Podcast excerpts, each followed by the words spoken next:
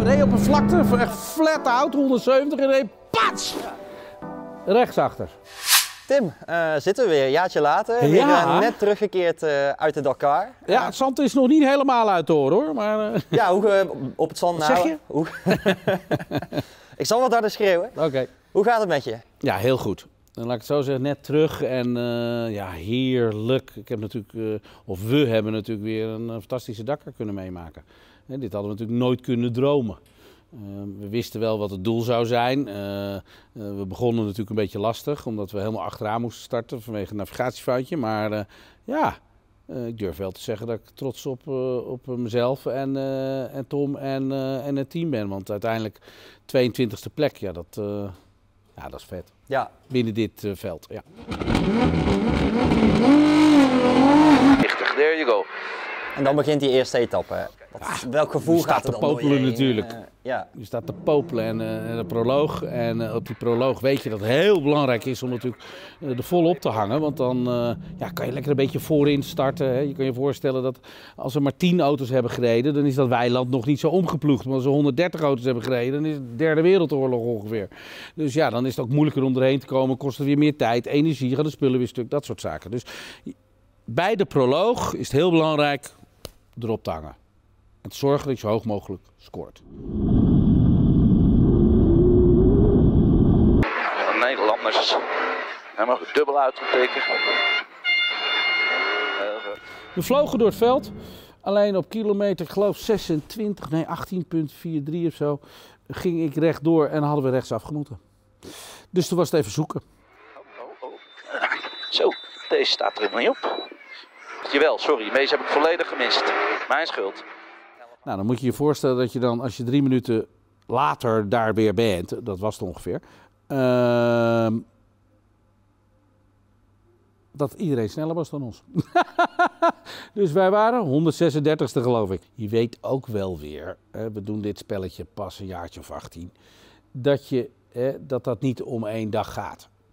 Maar ik wist wel dat je daar vier dagen last van hebt. Als je achter iemand rijdt dit stof en je ziet niks, dan kan je het toch niet inhalen. Dus dan moet je echt wachten tot de wind goed is. En de wind komt van rechts, zodat je dan beeld hebt en dan in kan halen en dan naar de volgende. Dus je moet wat meer elkaar het geduld geven. En joh, het was, eh, ik weet dat Tom zijn best eh, doet. Ik weet dat ik mijn best doe. Dus eh, ja, het is zoals het is op dat ogenblik en dan moet je het ermee doen. Dit is de finish. Dankjewel, Mike. Hoppa. Dus dat hebben we gedaan. En eh, nou, volgens mij dag vier waren we ongeveer weer op de plek waar we thuis hoorden. Maar eh, ja, dat duurde even. Dus het was houtje bijten. Aan de andere kant moet je je ook voorstellen, als je vol gas die wedstrijd ingaat, dan dat je wat meer van het materiaal vergt en allemaal dat soort dingen. En dan ga je echt in die competitiemodus. Wij kregen de kans niet om in die competitiemodus, we moesten in de overlevingsmodus. Waardoor, ja, denk ik halverwege, eh, wij eigenlijk er beter voor stonden dan ooit. Eh, jullie hadden ook nog een eh, schrikmomentje, zag ik hè? Oh ja, ja, ja. Nee, op een vlakte, echt flat out, 170 en reed pats! Rechtsachter. Oké, eh, exploded tire, exploded tire. All oké, all oké. Ja, dat kan gebeuren natuurlijk. Laat ik het zo zeggen, we namen ook wel het risico op dat ogenblik om met een lage bandenspanning dat te doen. En, eh, en dat hadden we niet moeten doen. Dus dat was weer een waarschuwing. Eh, en, eh, Heb je daar dan ook veel schade van als zoiets gebeurt? In- nou, het, begint, het is natuurlijk aan het begin. Eh, en het was een korte etappe. Dus als je die tijd weer verliest, dan zijn het weer plekjes. Dus dan heb je net 20 man ingehaald, helemaal je best gedaan. En dan, ja, dan uiteindelijk geef je weer vijf weg. Dat is wel, dat is, dat is, dat, ja, op dat ogenblik baal je. Maar als je zoveel keer Dakar hebt gedaan, die paar minuten, weet je dat dat niet moet boeien. Als je maar je kopje erbij houdt.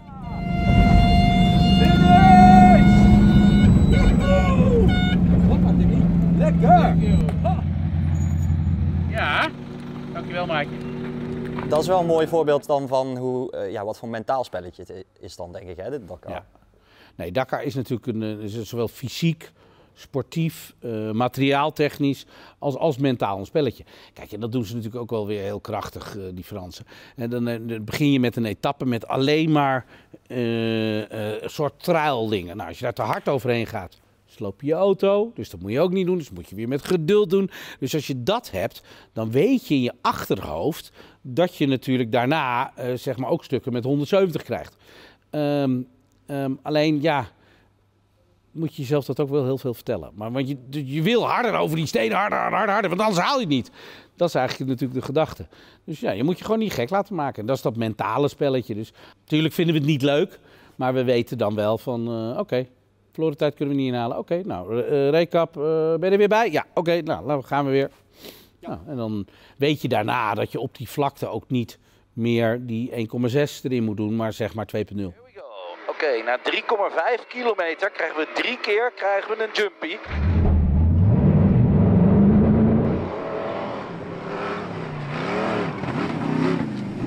Hoe is dan uh, die band tussen jullie als jullie in de auto zitten en stelt zit even tegen of het gaat niet zoals jullie willen? In het verleden durf ik wel te zeggen dat we wel een beetje grumpy dan deden naar elkaar. Uh, maar er is nu zoveel vertrouwen.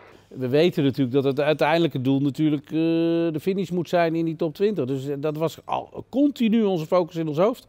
Speelt dan ook nog een rol dat jullie uh, tweeling zijn op een of andere manier? Dat jullie een beetje hetzelfde denken misschien? Of uh, ja, moet ja, dat anders? we denken hetzelfde. Moet ik wel zeggen, Tom is veel preciezer dan ik op dat vlak. En misschien wat meer gedreven. Ik merkte dat Tom die gedrevenheid een beetje los had gelaten. Misschien ook omdat hij het moest vanwege dat navigatiefoutje natuurlijk. Um, en, en, en ik had dat ook van, hè, ik ben misschien wat minder gedreven en ik laat het gewoon over me heen komen. En, en dat we wat meer daardoor naar elkaar toe zijn gekomen en daardoor ook dit resultaat hebben behaald. Nou, ik durf wel te zeggen, we waren meer één dan andere jaren. Ja, durf ik wel te zeggen, ja. Spreken jullie ook een uh, bepaalde rol af, allebei? Of wisselt dat af? Of uh, gaat dat een beetje automatisch? Gaat automatisch, alleen het lullige daarin tegen is, ik vind natuurlijk dat Tom ook moet rijden, alleen ik kan niet goed navigeren niet zoals hij het graag wil.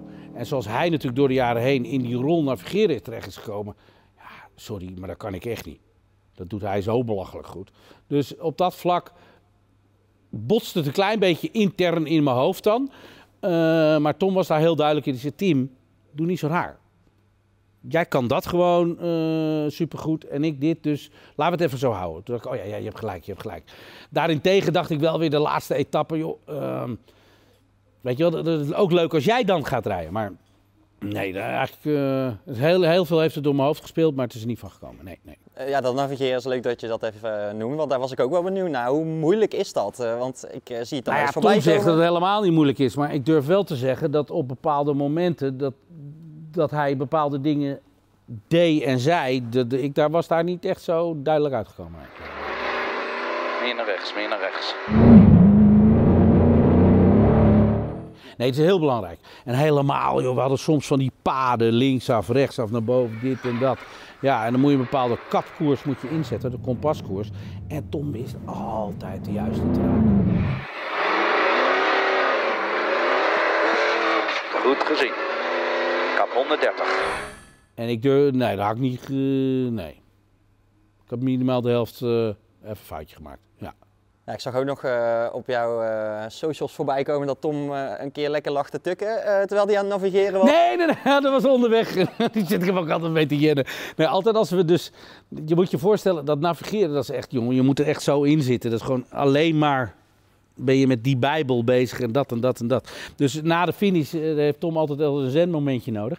En dan uh, zegt hij, joh, 50 kilometer rechtdoor uh, bivak linkerkant. En ik kan een beetje meekijken hè, wat er op de tablet staat. En dan, ja, dan duzelt hij wel eens even weg. En, dus die had ik even opgenomen, ja. ja, oké. Even dus, dus we zijn op verkeerde even jennen. Ja, ja, ja, ja. Hoort er ook bij. Ja. Er was ook nog iets met een motorrijder, geloof ik. Die had niet zo goed genavigeerd. Nee, dat was shit. Dat was shit. Nee, die motorrijder die had verkeerd genavigeerd, dus die kwam... Nou, eigenlijk had hij goed genavigeerd, maar wist niet precies waar hij was volgens mij.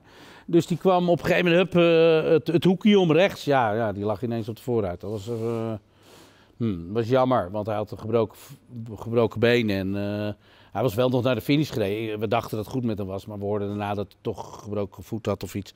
Dus ja, hij moest uitstappen. Dus dat was wel, ja, dat was balen. Ja, even, dat uh, zit wel een beetje op het fysieke gedeelte. Dat vraag ik me af, hoe zwaar is het fysiek? Slaap je weinig? Slaap je veel? Is het uh, zwaar in de auto? Uh, hoe zit dat precies?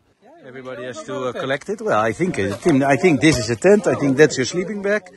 Nou, je wordt wel een beetje aan elkaar getrokken. Dus eh, ik ben wel elke dag even naar medical gegaan. En dan eh, eh, krijg je massage, dat soort dingen. Vond ik wel heel fijn. Eh, ja, gewoon goed eten. Eh, we waren, daarentegen waren we altijd wel een beetje op tijd binnen. Net, net, in het donker of zo. Dus eh, we hebben niet echt een nacht door moeten halen. Als je dat moet doen, dan wordt het mentaal ook nog eens een keer een, een, een klapje verder. Maar ik durf eigenlijk wel te zeggen dat wij... ja, je wordt aan elkaar gerammeld en je doet je ding, maar niet zo zwaar als in die tijden. Nee, nee, nee, nee. nee, nee.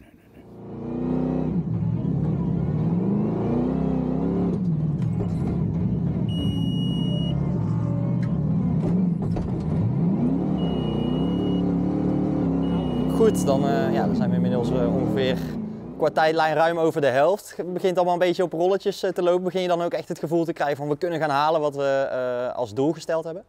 Ja. ja, met de rustdag dacht ik wel vet. Dat was eigenlijk al in die 48-uurse etappe. Dat ging me echt belachelijk goed natuurlijk, 24 of zo. En ik denk, ah, oké, oké. Nou, dat horen we ook wel. Qua ervaring en dit en dat. Alleen ja, toen kregen we toch eh, die lepel op ons neus dat de starter het niet deed. Die- Dus je moet je voorstellen, sta je in de empty quarter. Het woord zegt het al, empty quarter. Niemand is daar. En dan doet je auto het niet. Ja, de motor eh, is afgeslagen, dan kunnen we niks. Dan kunnen we de jacks niet, kunnen we helemaal niks. En de startmotor doet het niet. Gaan kijken eh, of we hem aan de praat krijgen.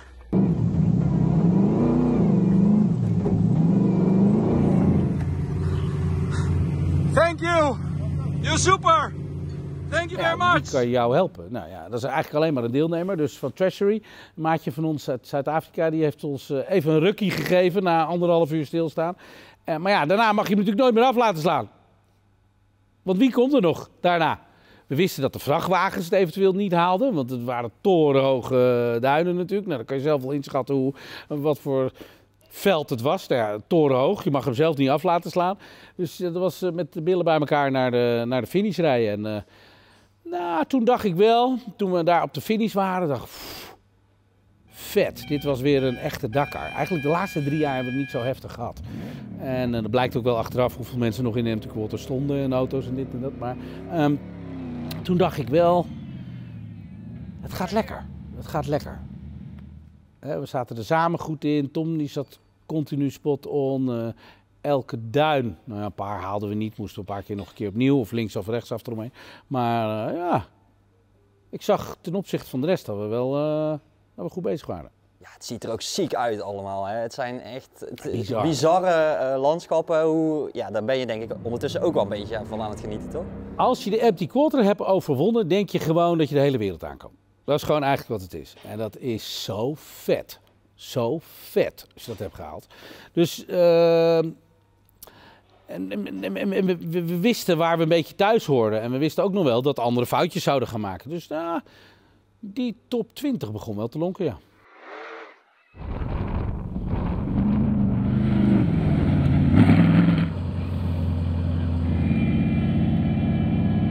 Hoppa! Finish!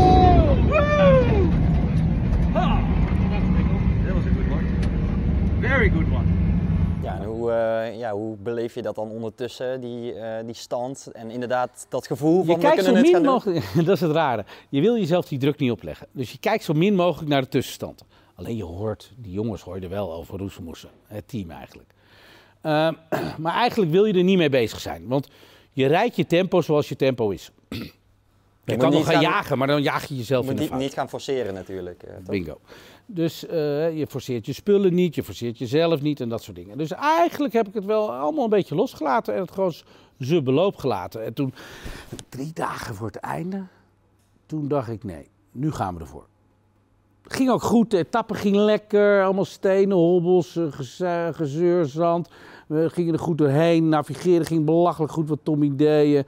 Ik zag, eh, we werden ingehaald door, even kijken, Peter Hans hadden we natuurlijk nog geholpen. Ik zag een beetje dikke jongens om ons heen waarvan ik dacht, wow, hier horen we wel thuis. En eh, nou, toen reden we weer 170 en eh, riek. Onder dat we al zo over de grond sleepten, zei ik tegen Tom, haal jij het wiel of haal ik hem? It seems like uh, Maybe we can fix it. Okay, I found the wheel. There's our car. Dus ja, dat was, dat, dat was shit. Echt letterlijk shit. Nou, je gaat dan natuurlijk als eerste inventariseren eh, hoe snel het weer gemaakt kan worden. En eh, twaalf jaar lang heb ik altijd een voorwielhub aan de linkerkant en een achterwielhub aan de rechterkant. Nu één keer rijden wat ik had gedaan na, eh, na de 48 uur etappe. Ik had die hubs eraf gehaald, in de service truck gegooid van Boku. Want dat scheelt gewicht om weer wat lichter je mijn ding te kunnen doen. Dus ik had hem niet mee. Nee. Dus Mooi nou, dat is bizar. Twaalf jaar lang heb je hem bij, je, heb je hem niet nodig. En die ene keer dat je hem eruit haalt, heb je hem dus wel nodig. Je zult het altijd zien. In andere woorden, vanaf nu gaat hij er nooit meer uit natuurlijk. Maar in ieder geval, dus we moesten wachten. Dus eh dat was vier uur wachten op Baku. Alles voorbereid toen hij er was. En binnen tien minuten was het gemaakt. En eh, ja, konden we naar de finish. Maar dan moesten we wel in 3,5 uur toegeven. Dat was balen. Want toen wisten we natuurlijk ook dat we die top 20 los moesten laten. En eh, top 25 vond ik al helemaal tof. Als we dat zouden halen. Eh, maar top 20 was natuurlijk voor ons een soort wereldkampioenschap. Eh, dus op dat vlak. Doet dat dan, ja, hoeveel pijn doet dat dan op zo'n moment? pijn. Maar ja, je weet ook wie dat het Dakar is. En je weet dat alles weer kan gebeuren. En we waren toen 24ste. Toen dacht ik, nou, misschien de laatste dag dat er nog iemand op zijn dak gaat of wat dan ook. En wat gebeurde er? Ja hoor. Er gingen er weer een paar eh, gingen er mist in. Dus uiteindelijk P22. En, en ja, Ja, dat is toch prachtig, uiteindelijk. eh. Nou, het gekke is, het gekke is als je door de hele Dakar heen bent gegaan. Kijk, alle jaren maken wij wel iets mee. Hè? Of we maken een koprol, of we zitten een nacht in de woestijn, of we, ze zijn ons kwijt. Er is altijd wel iets van hectiek. Maar dit was eigenlijk voor mij een walk in the park. En dan uiteindelijk met zo'n vet resultaat, zonder dat je echt gevoel hebt dat je er zo naar hebt ge- eh, gehandeld. Ja, dat vond ik wel een cadeautje. Nou, Ja, dan rij je uiteindelijk richting die finish. Ja. Eh, ja, wat voor gevoel begint er dan op te wekken ja, als je er bijna komt en uiteindelijk over die streep komt?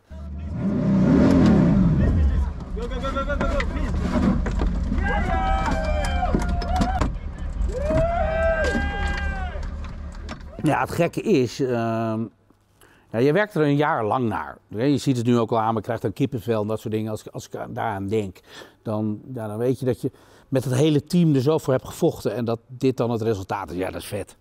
Ja, dan vier je dat. En, eh, en, en, en, en, en, en dat, doet- dat doet je wat, ja. Ja, dat is eigenlijk wat het is. Ja, ja. ja het is een gevalletje bloed, zweet en tranen. En Bloed, zweet en tranen en dan toch geflikt. Nou, en dat is kicken. Hoeveel mensen zouden Dakar willen rijden in deze wereld? Ik denk een paar miljoen. Hoeveel mensen kunnen het rijden? Ik denk dat iedereen het ook kan. Alleen hoeveel mensen mogen het? Ja, het is een soort privilege. Ik zie het als een privilege dat wij aan dit spelletje mee mogen doen met onze relaties. En, en, en een mooi verhaal naar de wereld kunnen brengen. En, eh, en mogen brengen. En eh, ja, dat is tof. Ja, En eh, het is heel makkelijk. Ik heb mijn plakkaatje weer. En daar heb ik er nu 16 van. volgend jaar weer? Je vraagt een man toch ook niet of je nooit meer seks hebt, of wel?